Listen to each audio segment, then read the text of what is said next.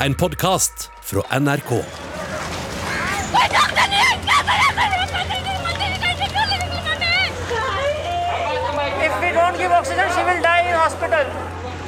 India har blitt det nye episenteret for koronapandemien.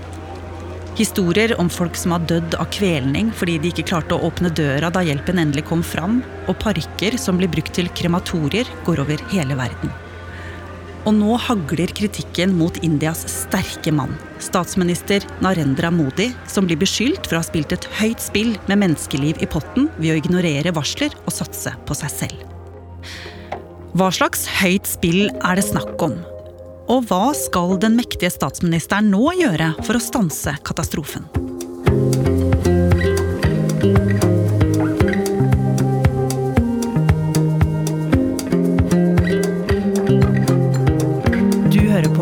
Oppdatert.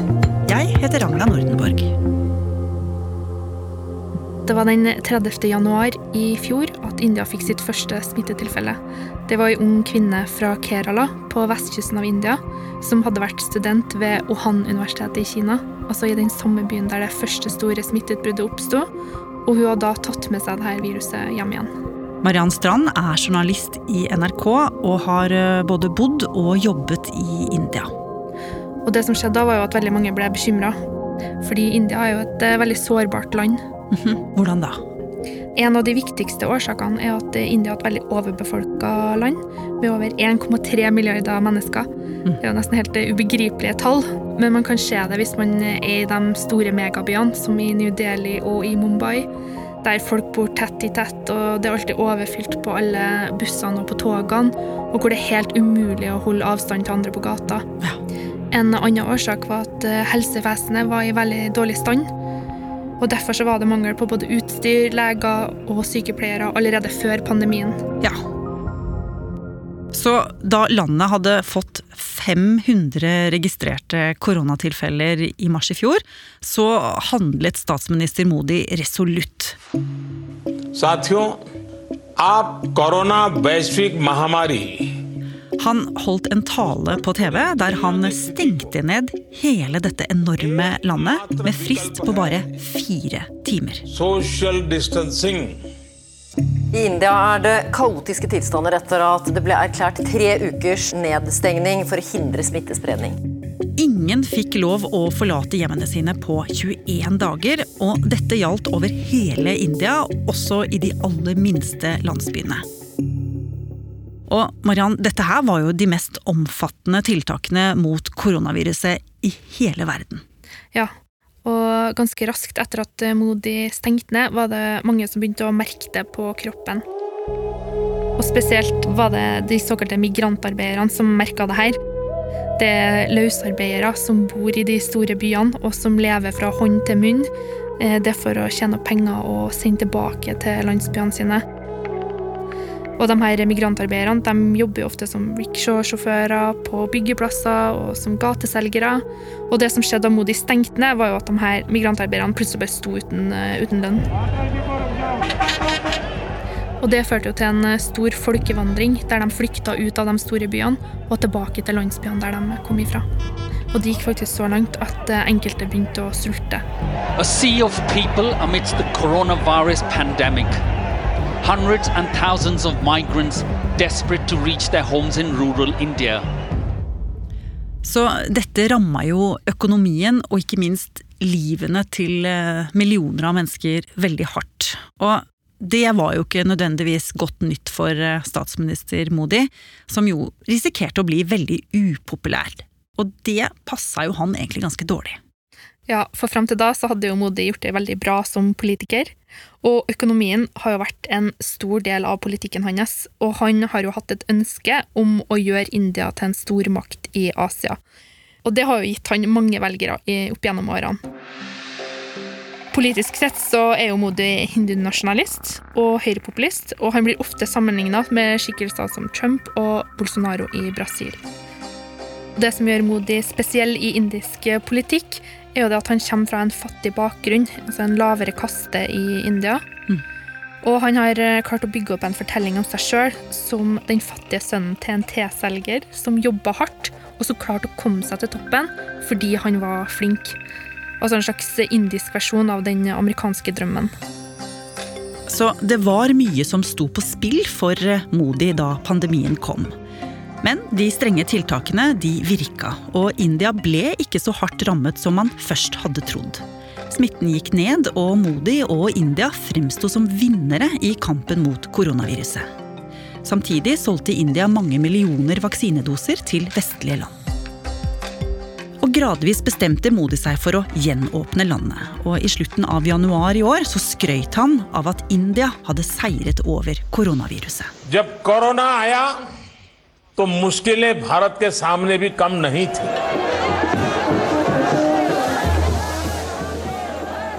Og folk kunne jo da bl.a. slippe jubelen løs på den store hindufestivalen Kumbh Mela, der millioner av hinduer reiser til Ganges og andre elver for å rense seg. Dette var et rite som skulle gå i flere etapper utover våren.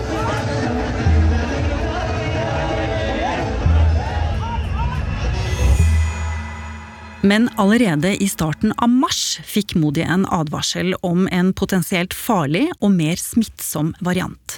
Den såkalte dobbeltmutasjonen, Mariann. Ja. Eh, Nyhetsbyrået Reuters har snakka med fem forskere som satt i et panel som var rådgivere for eh, Modi på den eh, tida. Og de har da snakka på bakgrunn av anonymitet, men de forteller da at de advarte jo regjeringa om en ny og mer smittsom variant. Og de sa faktisk at regjeringa hadde ignorert de her alvorlige advarslene. Hm. Regjeringa har ikke svart Reuters på de her anklagene, så i stedet for å forberede helsesystemet på en potensiell farlig andre smittebølge, så valgte regjeringa heller å fokusere på å prøve å vaksinere befolkninga. Ja, for på dette tidspunktet så hadde jo ting blitt litt mer avslappa i India, og folk hadde begynt å bevege seg ute i samfunnet uten munnbind. Og sånn var det jo også på denne store religiøse festivalen, Mariann Kumbh Mela. Ja, den festivalen er jo så stor at man må bruke satellittbilder for å klare å anslå hvor mange det er som deltar. Og det man så, var jo at folk bada tett i tett, skulder til skulder. Og selv om det var påbudt med munnbind, så turte ikke politiet å håndheve de her tiltakene, fordi det var så mange som hadde møtt opp, og de var redd for at det skulle bli opptøyer. Så til tross for at eh, regjeringen visste om denne mutanten, og at man også så at smitten faktisk økte i samfunnet, så ble ikke denne religiøse festivalen stansa. Nei, og Modi han sa ingenting til å begynne med, men da folk begynte å teste positivt for korona pga. festivalen, så kom han etter hvert med en anbefaling om å heller gjøre festivalen mer symbolsk og flytte den på nettet. Men han kom aldri med et eh, konkret påbud om å avlyse festivalen. Og det som er verdt å merke seg, er jo at eh, dette er en markering som er veldig viktig for kjernevelgerne til Modi. Ja, altså religiøse hinder som Modi er helt avhengig av å få støtte av. Og på dette tidspunktet så hadde jo smitten virkelig begynt å gå opp. Ja, på den tida ble det registrert mer enn 200 000 smittetilfeller daglig. Og man kunne se at India var på vei inn i en ny smittebølge. Mm. I Maharashtra vest i India, hvor Mumbai ligger, så var det jo da allerede i ferd med å gå tomt for oksygen på sykehusene. Og i Modis hjemstat, i Gujarat, så var krematoriene i ferd med å bli overbelasta. Men i stedet for å dra i håndbrekket, så holdt Modi foten på gasspedalen. For midt oppi dette så var det også et viktig valg i India om seter i parlamentet. Og dette valget ville Modi gjerne vinne. Og den 17. april holdt Modi et stort valgkampmøte i delstaten Vest-Bengal. Der flere tusen møtte opp for å høre ham tale, tett i tett og uten munnbind.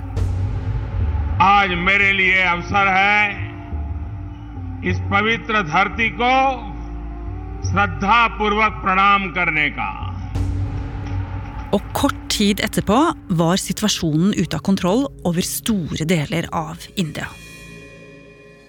For vaksineutrullinga Modi hadde satsa på, var overhodet ikke nok til å stanse den andre bølgen som var kommet med et smell. Hver dag ble det satt nye smitterekorder. Den 1. mai ble India det første landet i verden til å registrere flere enn 400 000 smittetilfeller i løpet av én dag. Og dette smittepresset skulle få store konsekvenser for helsevesenet, som jo var dårlig forberedt på en pandemi som koronaviruset. Og nå var det mange steder i India der sykehusene gikk tomme for oksygen og sengeplasser.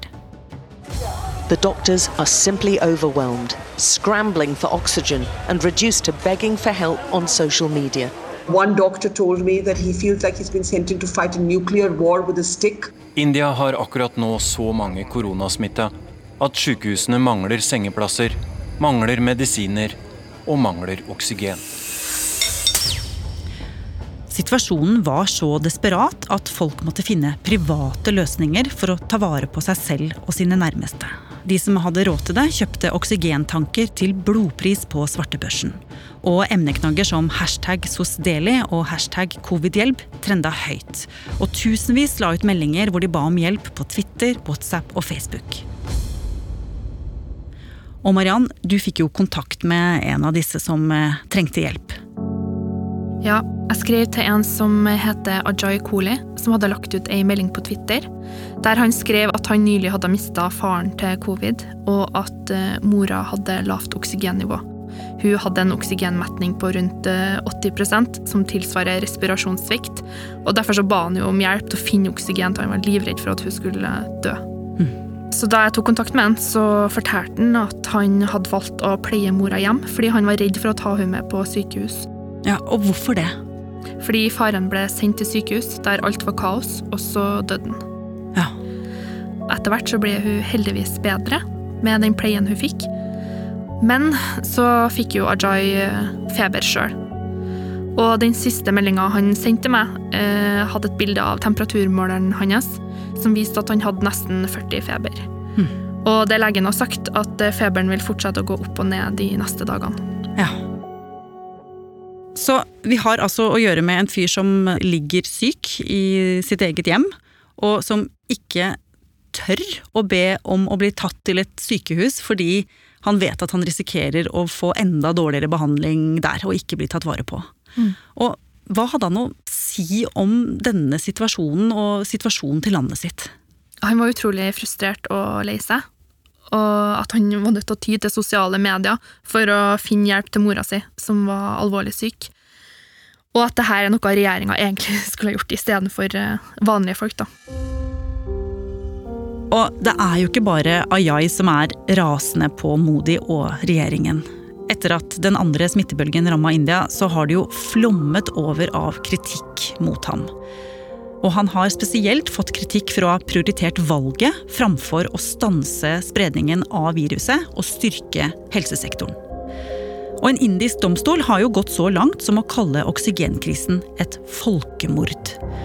Og mange mener jo at han nå må gå av. Men Mariann, hvordan svarer Modi på denne kritikken? Regjeringspartiet hans, eh, BJP, de har eh, avvist kritikken. De har sagt at eh, Modi har jobba døgnet rundt siden pandemien eh, starta, og at de ble litt tatt på senga over hvor raskt det utvikla seg, og hvor stort eh, omfanget ble.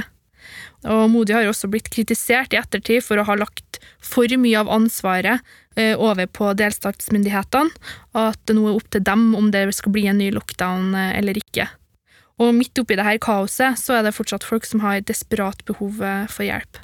Ja, og dette har jo allerede begynt å få politiske konsekvenser for Modi. Valget i Vest-Bengal, der han holdt dette valgmøtet i april hvor han eh, så at mange møtte opp uten munnbind, det tapte ham. Og med det så virker jo ikke den en gang så sterke statsministeren like politisk usårbar. Han har tapt ansikt, og han har tapt støtte. Og nå følger jo en hel verden med på det som skjer i India, og presset øker jo på Modi om å stenge hele landet ned igjen, slik han jo så resolutt gjorde første gangen. Og det mener jo også Anthony Fauci, den berømte smitteverneksperten i USA.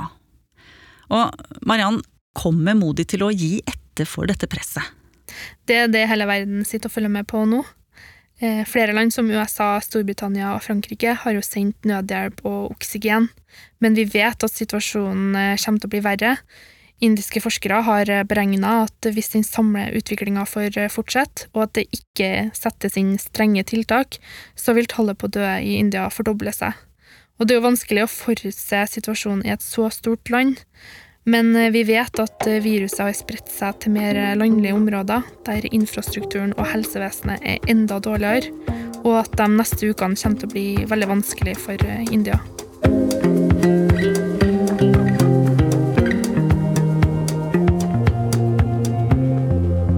Har du lyst til å bli fast lytter av oss i Oppdatert og få påminnelse om nye episoder, er det bare å følge oss i NRK radioappen. Og så er det veldig hyggelig hvis du vil anbefale oss til en venn. Oppdatert er en podkast fra NRK Nyheter, og denne episoden er laget av Mariann Strand, Bendik Hansen, Pål Gauslå Sivertsen, Andreas Berge og meg, Ragna Nordenborg. Eva Midthun Leira er redaksjonssjef. Vil du kontakte oss, gjør gjerne det på oppdatert krøllalfa nrk.no. Du har hørt en podkast fra NRK. Hør flere podkaster og din favorittkanal i appen NRK Radio.